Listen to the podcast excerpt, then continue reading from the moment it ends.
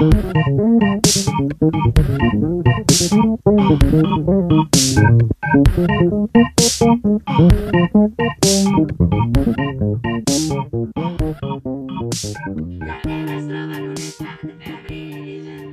bon dia, bona vesprada o bona nit, sense importar quan els estiguem escoltant i benvinguts a un nou episodi de Ressona, el nostre podcast de la revista Sons de Xaloc. Eh, salutacions de qui te parla, jo, Vlad Ostiuc, i salutacions també de Laura Martínez, la meva presentadora. Hola. I bé, eh, estem a finals d'estiu, un eh, període que no s'extingeix precisament per que hi hagi moltes notícies, ja siguin de música o de qualsevol altra cosa, sinó que en el programa d'avui hem pensat de, de recapitular un poc com ha sigut aquest estiu en matèria de música, en matèria de festivals i en matèria de concerts, i per això ens acompanya una persona que també està últimament molt implicada en el periodisme musical.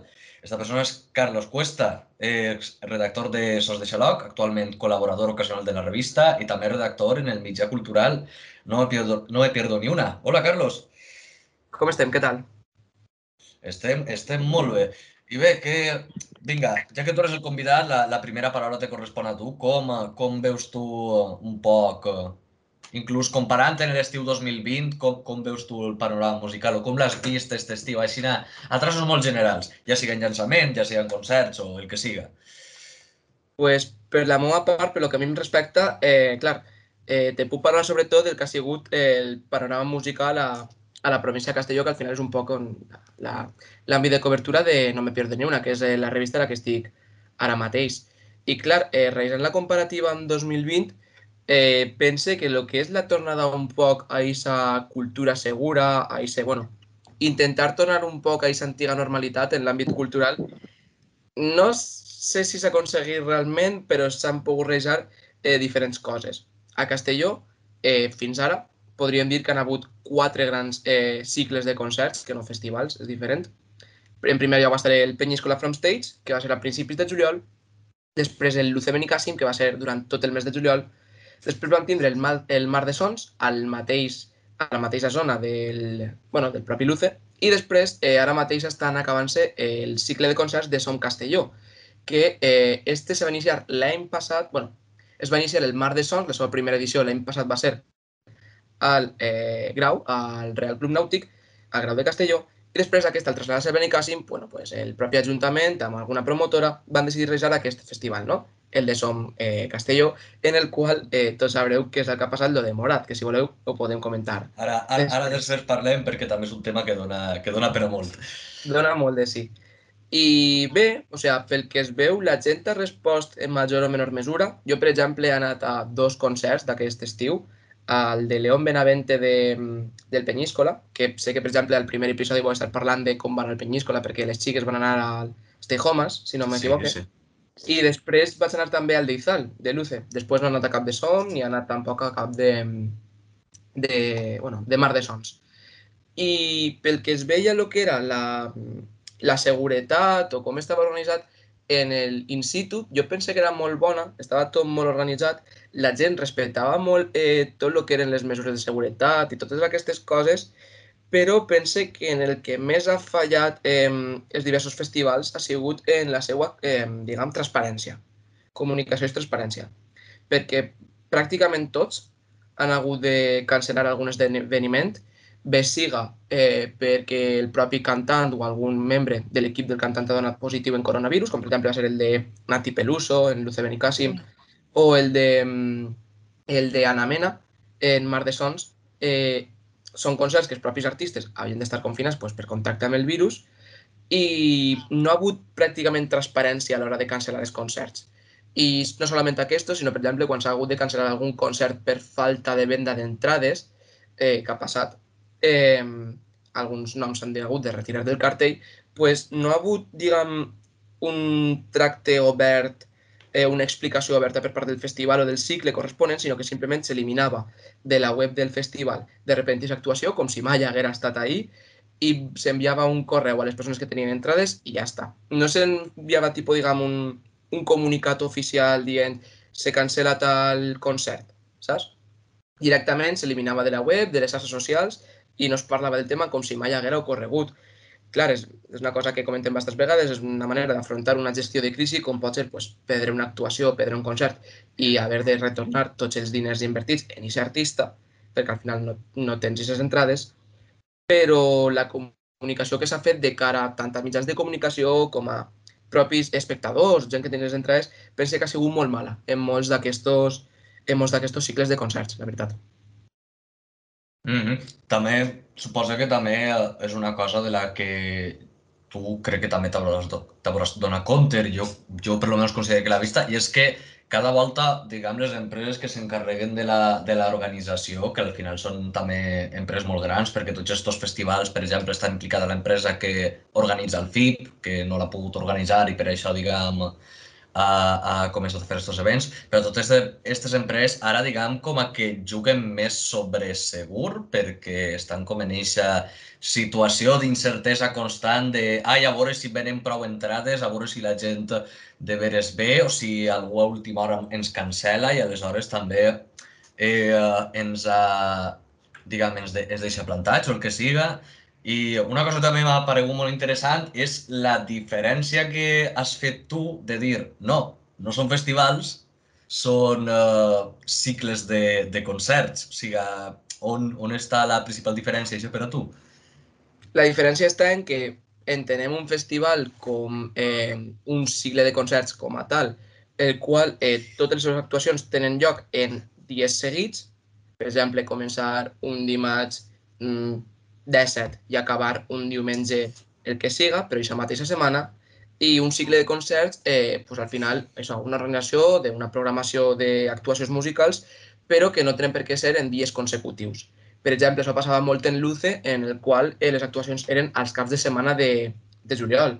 I, en realitat, en tema de comunicació, tots aquests grans eh, cicles de concerts han gastat molt la paraula festival, festival, festival, perquè mentalment tots eh, relacionem eh, aquests festivals amb aquestes grans organitzacions massificades prèvies a la pandèmia i que a tots ens agradaven tants i per les quals era tan coneguda la pròpia zona de Castelló, sobretot Benicàssim i tal. Eh, entonces, clar, s'ha seguit utilitzant aquesta paraula quan realment no s'ha tractat de festivals, realment, sinó més bé de cicles. Alguns sí que tenien actuacions molt consecutives, com en el cas del Penyíscola. Això sí que podem estar parlant d'una fórmula molt propera a la del festival. També la de Som, eh, però, per exemple, Mar de Sons i Luce han sigut més bé coses properes a, a cicles de concerts que no, no festivals a l'ús. Mm -hmm. I bé, eh, doncs, uh, ja, que este, ja que estem parlant de, uh, de, diguem, coses que passen en estos festivals o cicles de concerts, com vulgueu dir-los, que pareix de fet que, que este tipus de cicle de concert és, està esdevinguent, diguem, el format d'event predilecte durant aquesta pandèmia, però bé, parlem al final de, del tema del son i, i el que va passar en, en l'actuació de Morat. Laura, vinga, dona, dona un resum. Eh, vale, bueno, pues en el, en el Son Festival a Castelló el que va passar va ser que eh, mentre estava fent el concert de, de Morat, eh, va, bueno, dins crec que ja eh, hi havia gent com armant jaleo i això, i va tindre que anar la seguretat a dir que, que pararen, però no feien cas, però el que, el que més fort va passar va ser fora, que, que van, a, van a plegar, no sé, 50, 60 xiquets de 14-15 anys, van començar a... Com que la, el motiu era entrar al festival sense, sense entrar i, òbviament, no els van deixar i estava ahí la policia i això i el que van fer va ser eh, fins i tot agredir als agents, eh, van acabar en una vintena de detinguts o, o de denunciats i un detingut, no sé. Vos, tu, Vlad, estaves allí, no? Home, jo, jo ahir no estava, a mi me va... jo, jo vaig pillar tot un poc a, a posteriori, però el que, el que sí que, que m'he enterat i m'ha paregut molt fort és que l'organització del festival dia que fins i tot eh, han interceptat gent intentant eh, nadar en dins del recinte, perquè, claro, conforme, conforme bé has dit tu, Carlos, el festival se feia en el uh, Club Nàutic. Aleshores, també se veu que hi havia gent intentant nadar i pegar la volta a les tanques per entrar dins de, del, del recinte de concerts. I, uh, clar, el que sí que se veu que la gent s'ha queixat és que, clar, eh, n'hi havia, diguem, estos disturbis fora, I uh, per una altra banda, la gent dins se veu que tampoc ni estava complint el protocol de seguretat, ni estava deixant que el concert transcorrira de manera normal, i aleshores van acabar el concert 45 minuts abans del que tocava perquè estava el, diguem, l'actuació de Morat pròpiament dita i després una sessió del DJ que, que ell porta amb ell a les actuacions.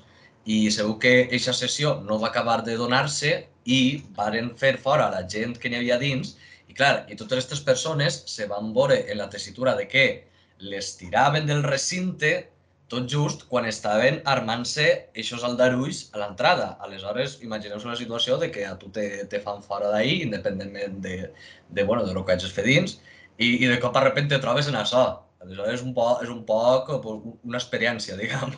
Sí, sí va ser la combinació perfecta, no? Podríem dir. Sí. Vaig llegir que, que una dona va així, és un testí que va parlar per a un, per a un diari, i va dir que ella va eixir i en seguida va veure tot això i se'n va anar corrents al cotxe jo crec que també haver fer el mateix. És que tampoc, tampoc, tampoc vas a tindre molt que fer ahir, no?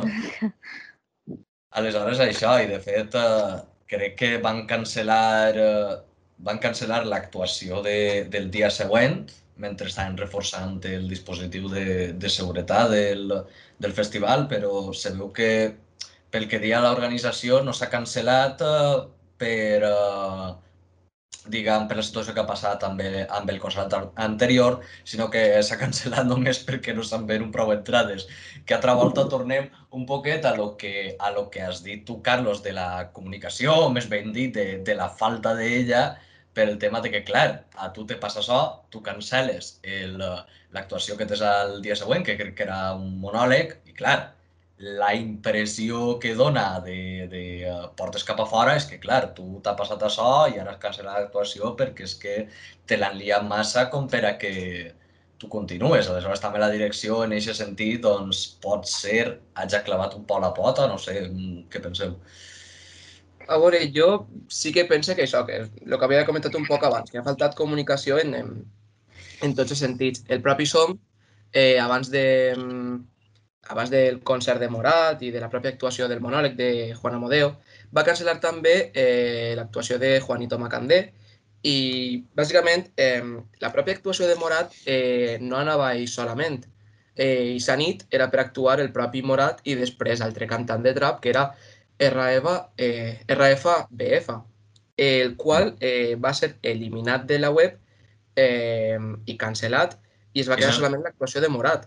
Aquesta és l'actuació que varen cancel·lar abans d'hora, no?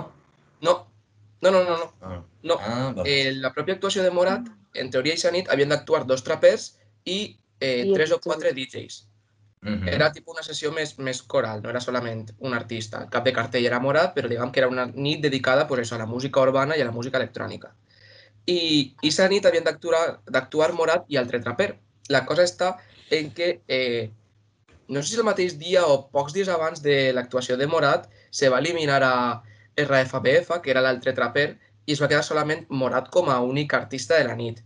I no es va explicar per què, si per contacte de Covid, si perquè no va poder traslladar-se a Castelló, saps? O sigui, que la comunicació ha seguit faltant en molts aspectes, fins i tot en la pròpia actuació de Morat. Així tot, crec que mm, jo tinc una...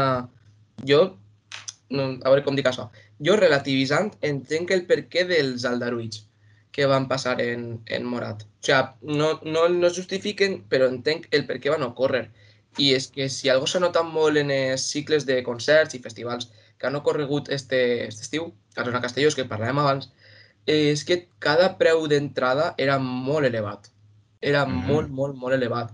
No podem oblidar que abans els verdaders festivals, com eren Rototom, FIP o Arenal, sí, la teva entrada et costava 60, 70, 80 o 90 pavos, Eh, fins, fins i tot més depenent de, de la quantitat de cartell que negre confirmat, no? Exacte, però d'alguna manera tu pagues aquests diners i després tenies eh, confirmats un gran nombre de concerts durant uns, uns dies X, no? En el cas d'estos cicles de concerts, no. Tu pagues entrada única per un sol concert d'un artista determinat. Um, I aquests preus han sigut molt elevats. Per exemple, en l'UC Benicàssim era molt elevat el preu per entrada. Fins i tot crec que les actuacions de Rafael i de Mònica Naranjo n'hi havia entrades per, per, pel voltant dels 80 euros. Clar, Eh, per això, eh, fest... eh, normalment els cartells que s'han realitzat en aquests cicles de concerts han sigut cartells molt dedicats a gent adulta, anem a dir entre moltes cometes, perquè entenem que sí que tenen pues, aquesta disposició econòmica per a pagar un, una entrada d'aquest tipus. Però, per exemple, jo vaig anar al, al concert d'Izal, eh, el preu per entrada estava per voltant dels 40 euros. Clar, eh, per això s'entén també que molts concerts estiguen sent cancel·lats per falta de venda d'entrades, perquè eh, per un artista que t'agrada molt, ok, et pots fer un poc i se, no sé, gastar-te aquests diners, però clar, aniràs segurament a veure un concert en tot l'estiu, màxim dos, però un artista que no genere tant de, tant de renom, eh, pues segurament eh, no, no vagis a, a voler visitar-lo, com seria el cas del propi Juanito Macandé. I el cas de Morad, eh, no podem oblidar que al final eh, és el que dia Laura. Abans, eh, la gent que escolta Morat i ser públic objectiu eh, és gent fins i tot més menuda que nosaltres. Són adolescents, pràcticament. I el preu per entrada al concert de Sí, Morat la, estava la, als... la majoria sí, de fet eh, se posava, diguem, la mitjana edat de la gent que estava fent els aldarulls al, al voltant del 14, sí que és veritat. Claro, aleshores, el preu per entrada per al concert de Morat era de 25 euros. O sigui, realment tens en 14 o 15 anys tens 25 euros per a gastar-te per a un concert? Perquè jo almenys a aquesta edat no els tenia. Aleshores, clar, entenc que el per què molta gent va tractar d'entrar a costa de, pues, pues de, de no tinc prou diners, intente colar-me conforme siga, fins i tot nadant o, o fent aldarulls, o queixant-me pel, bueno, per la dificultat que tinc per poder accedir al concert. Aleshores que n'hi ha que entendre un poc el, també el per què s'ha pogut provocar això. I pense que al final el preu per entrada ha sigut molt elevat, ja no solament en el propi som o en la pròpia actuació de Morat, entenent el, el públic al que es dirigia, sinó en general en totes les actuacions de, de l'estiu. Home, mm, la veritat, 25 euros siguem Morat, que recordem que és una persona que, que durant un bon període de temps va ser el artista més, eh, més escoltat en Espanya, crec que per, almenys en Spotify, jo crec que, tam, jo crec que igual 25 euros encara és un preu assequible per algú com ell, igual va ser... O sigui, estic d'acord estic d'acord en tu, però crec que per, per, per la raó contrària de fet de que la, la, diguem que la direcció no tenia previst que, uh, que passara això i uh, no va considerar Morat com un artista, diguem, amb tant de caché i va posar l'entrada molt barata i fins i tot, no sé, pot ser que inclús si l'entrada fora un peliu més cara, pues, uh, igual no, no haguera passat això, perquè s- jo entenc que eh, crec que molta gent que s'ha presentat ahir, doncs igual s'ha presentat precisament perquè ha anat a comprar-se l'entrada eh, i s'ha trobat en que això, en que l'aforament ja estava complit i que el cartell de sold out es degué de penjar molt, molt pronte. No sé, la veritat. Al final sí que és veritat que és un poc eh, una especulació. Però bé, eh, uh, si, teniu, uh, si teniu alguna cosa més, és el moment de dir-la, perquè ja estem arribant un poc a la recta final del programa. Alguna coseta que vulgueu afegir a, a este debat? Doncs a la una, a les dues, a les tres i doncs ja encarem el final d'este nou episodi de Resona.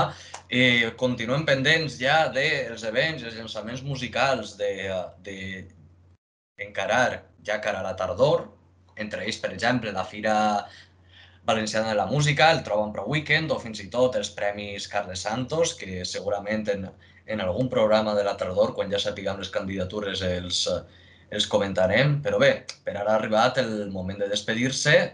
Aleshores, això és el que es queda a fer.